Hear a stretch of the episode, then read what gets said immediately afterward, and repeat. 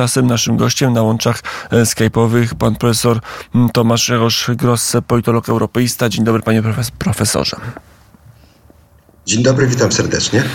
Spotkaliśmy się na tej antenie tydzień e, temu, żeby omawiać bieżące wydarzenia z Unią Europejską związane, ale a teraz, a teraz spotykamy się przy okazji książki Geokultura, czyli o związkach geopolityki z kulturą. To najnowsza pozycja naukowa pana profesora Trosta, wydana nakładem wydawnictwa Ośrodka Myśli Politycznej, krakowskie wydawnictwo na patronem medialnym obok tygodnika i portalu Do Rzeczy jest także radio wnet, co jest dla nas pewnym rodzajem dumy i, i satysfakcji.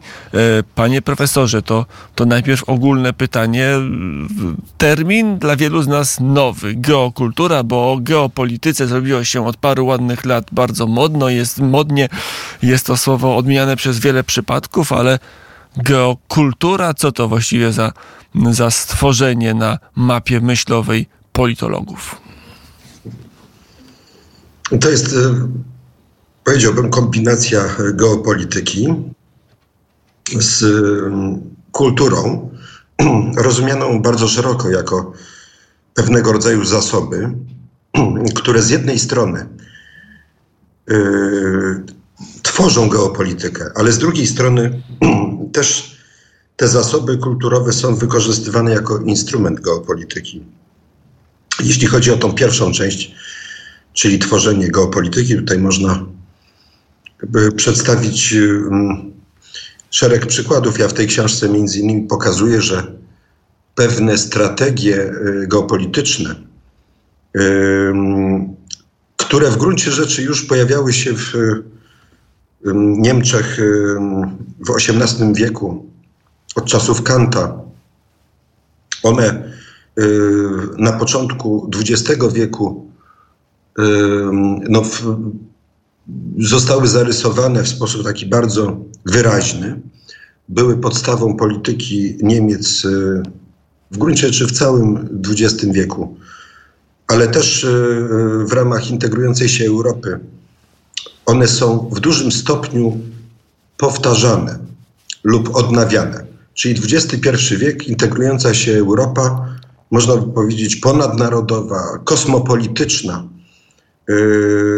gdzie ta logika narodowa wydawać by się mogło przynajmniej w takich krajach jak Polska, jest y, nieistotna. Y, ja uważam inaczej, że te zasoby strategiczne, które w gruncie rzeczy są zasobami kulturowymi, mm, y, powtarzają pewnego rodzaju myślenie strategiczne. Ono jest charakterystyczne dla elit niemieckich i one toruje drogę pewnej strategii niemieckiej w integrującej się Europie również w odniesieniu do tych zmian traktatowych, o których często na tej antenie y, jest mowa. Więc to jest y, y, taki przykład tych zasobów kulturowych, które na przestrzeni w gruncie rzeczy wieków towarzyszą pewnej myśli strategicznej i ona jest bardzo charakterystyczna właśnie na przykładzie Niemiec, ale też te zasoby kulturowe powodują, i to jest Druga rzecz, o której chciałbym powiedzieć, że niektóre nacje myślą o sobie jako o przywódcach, o tych, którzy będą integrować kontynent na różne sposoby. E, a inne nacje myślą o sobie jako o peryferiach, e, jako o tych e, przysłowiowych wagonikach, które trzeba do jakiejś lokomotywy podpiąć i nie są w stanie tego e, sposobu myślenia złamać.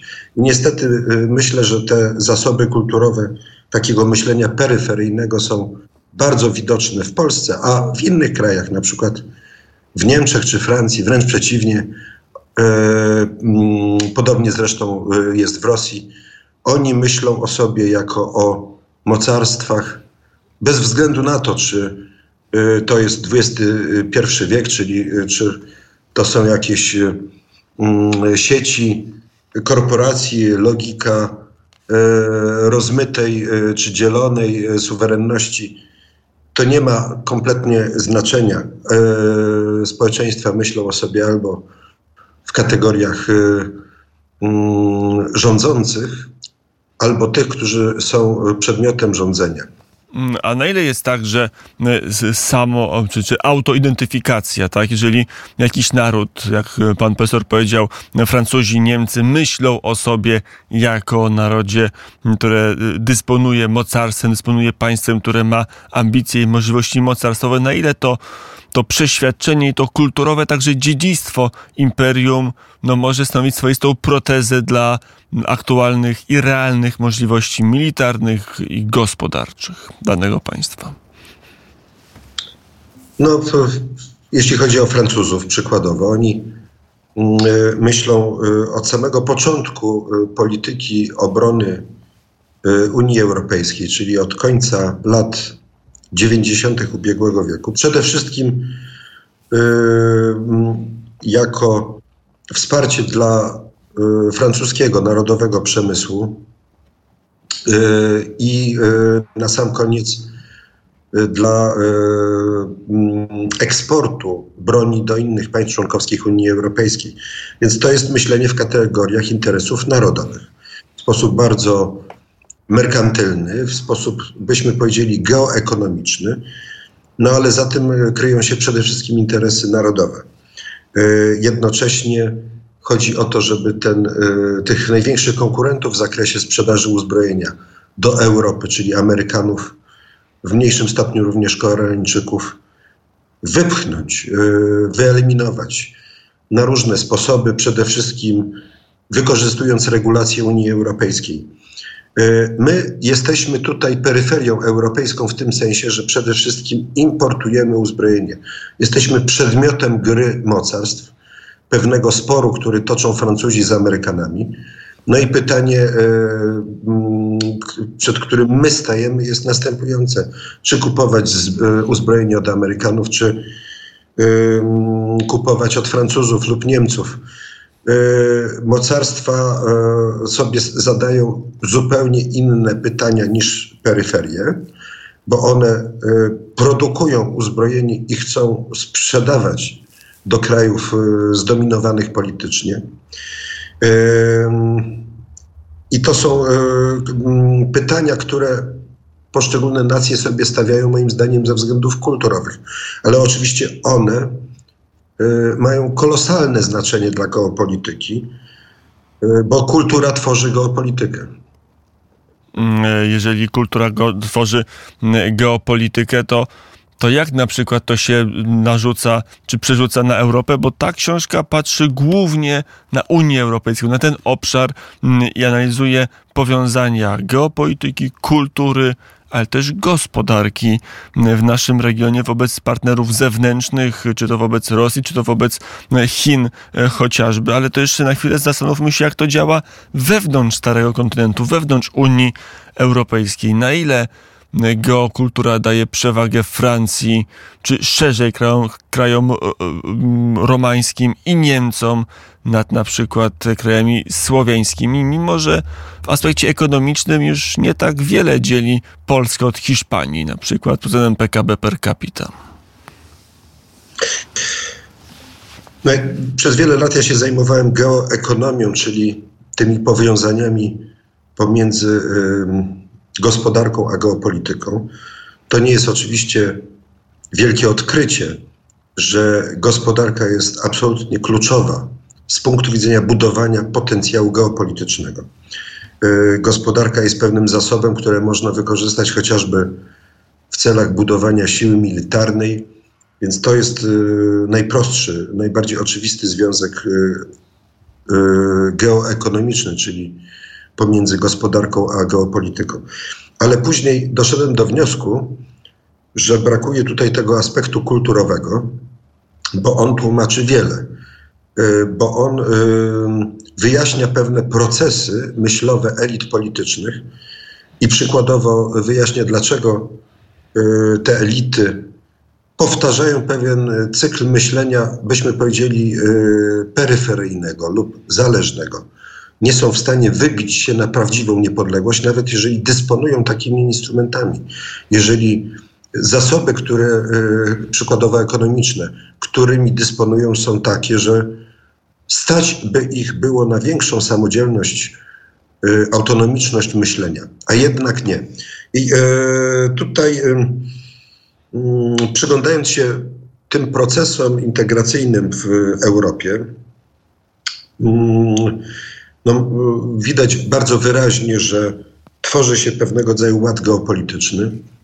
Yy, on jest mm, kształtowany wobec, yy, wokół dwóch biegunów, byśmy powiedzieli, geopolitycznych, czyli Berlina i Paryża.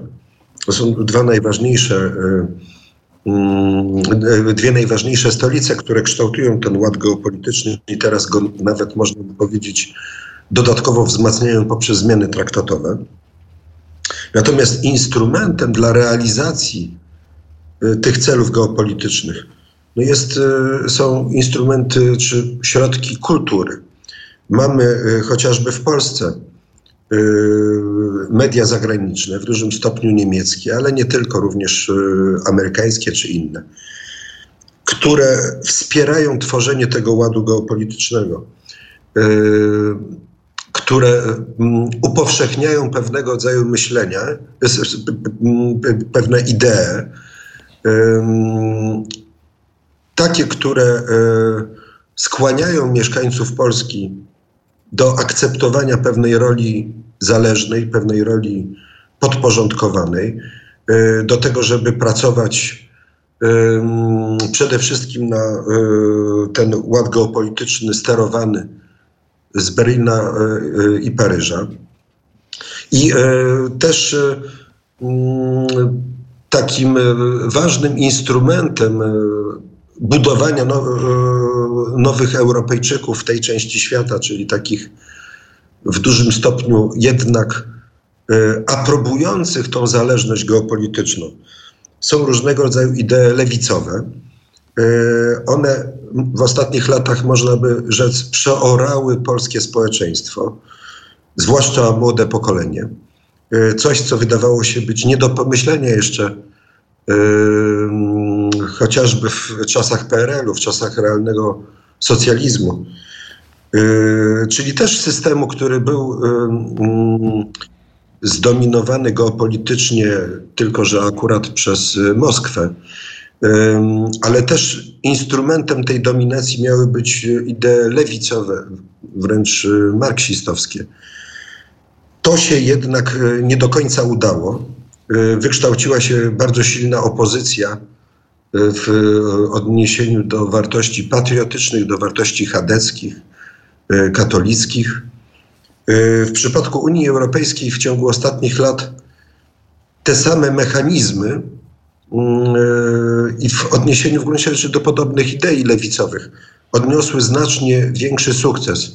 I to jest moim zdaniem bardzo interesujące, w jaki sposób kultura w tych nowych uwarunkowaniach e, odegrała taką, e, a nie inną rolę i przynajmniej na tym etapie e, naszej historii odniosła względny sukces z punktu widzenia tych celów geopolitycznych tych ośrodków decyzyjnych w Europie Zachodniej. Mm, panie profesorze, a na ile jest tak, że w tej chwili tworzy się pod względem rzeczywiście lewicowej agendy i lewicowego spojrzenia na świat, tworzy się nowa kultura, kultura europejska, tworzy się nowy człowiek, nowy obywatel, mm, tworzy się Europejczyk kulturowy, który, który będzie taką podstawą pod potem geopolitykę już stricte europejską, oczywiście kierowaną przez tych, którzy ten kapitał kulturowy, dziedzictwo kulturowe, także dziedzictwo imperialne mają najsilniejsze. No ten nowy Europejczyk o poglądach lewicowych ma być przede wszystkim kosmopolitą, ma być przede wszystkim wykorzeniony z tradycji narodowych, przede wszystkim prawicowych, bo środowiska konserwatywne, chadeckie w największym stopniu bazują właśnie na e, różnego rodzaju ideach patriotycznych, narodowych. I dlatego też są e, te wszystkie idee i środowiska takim e, celem mm, bezpardonowych ataków, przede wszystkim przez te ośrodki geopolityczne zewnętrzne w stosunku do Polski, ale również mm, wykorzystywane przez te środowiska liberalne e, i lewicowe, które można powiedzieć, są w pewnej symbiozie politycznej i też w politycznej zależności z tymi głównymi decydentami z Europy Zachodniej. Tak czy inaczej, kształtowanie nowego Europejczyka, właśnie takiego lewicowego kosmopolity, wynarodowionego, pozbawionego tradycji, ale też oparcia we własnym państwie chociażby i we własnej kulturze narodowej, no, jest, jest, jak się wydaje, celem tych elit zachodnioeuropejskich, które tworzą od pewnego czasu ten nowy ład geopolityczny w Europie. Jak się wydaje, ta masowa imigracja też pełni tutaj pewnego rodzaju rolę, bo ona jest pozaeuropejska, pochodzi z innego kręgu kulturowego i też ma przyspieszyć te procesy, o których tutaj wcześniej mówiłem. W moim przekonaniu. Ale jak to, to właśnie będzie? Na ile czy w tej agendzie, w tej zmianie kulturowej, jaką rolę odgrywają no, ci uchodźcy, imigranci, nachodźcy, obcy kulturowo? Jaką oni mają rolę e, spełnić? No jest te. Przede wszystkim tutaj chodzi o to, żeby tworzyć pewną mieszankę kulturową Y, tworzyć y, społeczeństwo wielokulturowe, gdzie y, ta większość odwołująca się do tradycji i kultury narodowej będzie coraz bardziej w mniejszości. To rzecz jasna na sam koniec podkopie struktury państwowe, struktury kulturowe, tożsamościowe, a tym samym usprawni tą centralizację europejską. Y, I to przede wszystkim dotyczy państw o charakterze, o statusie peryferyjnym, czyli tych, które już w tej chwili mają słabe y, tożsamości narodowe i takie przyzwyczajenia do pewnej zależności czy peryferyjności.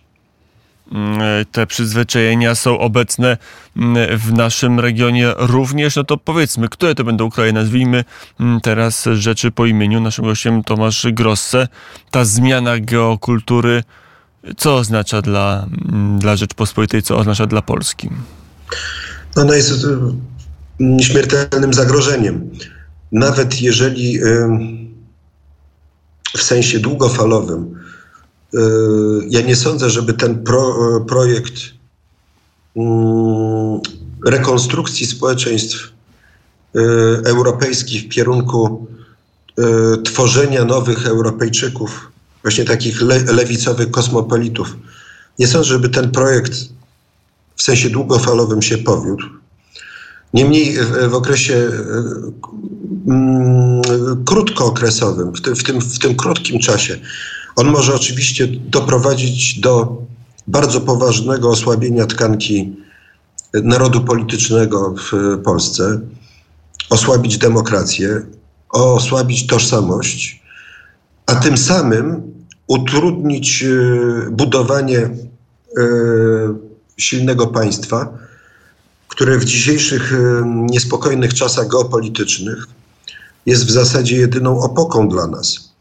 E, I w związku z tym, e, właśnie dlatego to jest takie e, mm, ryzykowne, bo jeżeli my mamy mm, wojnę po naszej wschodniej granicy i, i ciągle słyszymy, że te ambicje imperialne Moskwy w obliczu słabnącego Zachodu, one raczej wzrastają niż słabną że my też jesteśmy, mówiąc krótko, e, pod dużym ryzykiem tej e, agresji Putina, to e, my naprawdę potrzebujemy silnych struktur państwowych, żeby i pewnej spójności narodowej.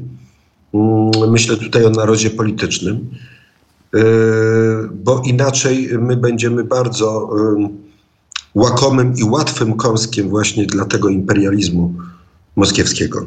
Mm, to jakby jest y, teza jasna, ale, ale bo to, to jest mniej więcej zrozumiałe, to zagrożenie rosyjskie przez całą scenę polityczną, ale właśnie część sceny politycznej uważa, że kultura, kultura to narodowa, tożsamość narodowa nie jest tutaj bronią. Znaczy, no, nie możemy rozmawiać czysto akademicko w oderwaniu od rzeczywistości, która nas otacza, a ta rzeczywistość jest następująca. Mamy zmianę rządów w Polsce, rządów, które no, raczej z tradycją narodową nie mają po drodze i raczej chcieliby żeby Polak był Europejczykiem, żeby tych, ta tożsamość narodowa była no, mniejsza albo jak najmniejsza. Z jednej strony na rzecz tożsamości lokalnych, regionalnych, no a w tym wyższym wymiarze e, na rzecz tożsamości europejskiej. Tożsamość europejska czy regionalna to jest taka tożsamość, która może dać podstawy geokulturowe do wygrania chociażby z tą groźbą Putina, bo na Zachodzie jest taki dość prosty analogia. My tu będziemy liberalni, lewicowi i ta nasza tożsamość będzie na tyle silna, będzie, jak to się mówi w żargonie europejskim, tak bardzo wytworzymy europejski model czy styl życia, który będzie i atrakcyjny na zewnątrz, ale też da nam e, kulturowe podwaliny do, do rywalizacji, czy to z Rosją, czy to z Chinami, czy to ze Stanami również, bo to też ma w tej, w tej wizji nas od Amerykanów odróżnić. To prawda, tylko że ja uważam, że te zasoby są bardzo płytkie, bardzo powierzchowne. E, w dodatku E, idee lewicowe są traktowane w sposób ideologiczny, a więc są coraz bardziej e, niepraktyczne. I na samym końcu e, ja nie widzę, żeby Europejczycy chcieli umierać za te idee lewicowe. A niestety problem polega na tym, że my stoimy wobec realnej groźby agresji Putina na Unię Europejską i NATO. W tym e, świetle my powinniśmy odwoływać się do takich zasobów kulturowych, które rzeczywiście mogą zapewnić odpowiednią mobilizację e, społeczną na rzecz e, obrony ojczyzny. wydaje mi się, że jeżeli my się pozbawimy tych zasobów kulturowych, zasobów pewnego patriotyzmu, pewnej wspólnoty narodowej, to na poziomie europejskim my nie wykształcimy porównywalnych e, więzi i my będziemy kompletnie bezbronni i na samym końcu będziemy rzeczywiście pod kontrolą czy dominacją Moskwy. Natomiast warto tutaj jeszcze spojrzeć e, na jedną bardzo interesującą rzecz, bo Europejczycy z tej części zachodniej zwłaszcza, ale też niektórzy E, myślący właśnie o tej wspólnocie lewicowej, kosmopolitycznej w Europie z naszej części kontynentu. E, oni mają pewnego rodzaju ambiwalencję, jeśli chodzi o Amerykanów. Z jednej strony ich naśladują, zwłaszcza te e, elity progresywne, te elity lewicowe, właśnie w, w, tych ideach skrajnie lewicowych, marksistowskich, związanych z tak zwaną kulturą cancelled, czyli tego wykasowania naszej tradycji, naszych korzeni. No proszę mi pokazać jakąkolwiek roślinę, która bez korzeni potrafi przeżyć, szczególnie w trudnych geopolitycznych czasach, z jakimi mamy do czynienia. Więc to samo dotyczy e, Europejczyków, dotyczy narodów europejskich. One wykorzenione będą łatwym łupem, e, będą słabsze, a nie silniejsze. Natomiast e, wracając do mojej głównej myśli, jest pewien zachwyt tymi środowiskami skrajnie lewicowymi, amerykańskimi i czerpanie pełnymi garściami z ich, nazwijmy to, dorobku intelektualnego. Z drugiej strony, no właśnie mamy też pewnego rodzaju ideę wypchnięcia Amerykanów z Europy e, i e, tego, żeby tutaj była większa samodzielność, autonomia strategiczna, czy wręcz suwerenność europejska właśnie bez Amerykanów. Moim zdaniem z punktu widzenia bezpieczeństwa jest to myślenie karkołomne, no bo to nas E, czyni bezbronnym e, na e, atak ze strony Moskwy. Natomiast ta symbioza, byśmy powiedzieli, idei lewicy amerykańskiej i Europy Zachodniej, ona jest niestety widoczna również na naszym podwórku w Polsce. gdzie media amerykańskie z mediami niemieckimi idą ręka w rękę, jeśli chodzi o kształtowanie tego nowego ładu geopolitycznego. Tym razem w, w przypadku, w przypadku polskich wyborców, polskich wyborów. I o tym mówił profesor Tomasz Grzegorz Grosse. No to wszystko wokół książki Geokultura, czyli o związkach geopolityki z kulturą. Książka dostępna oczywiście w księgarniach i tych tradycyjnych, i tych internetowych. Książka, którą mimo, że jest książką naukową z pełnym aparatem, czyta się niezwykle ciekawie, co Państwu polecam. Panie profesorze, dziękuję bardzo za rozmowę. Dziękuję również.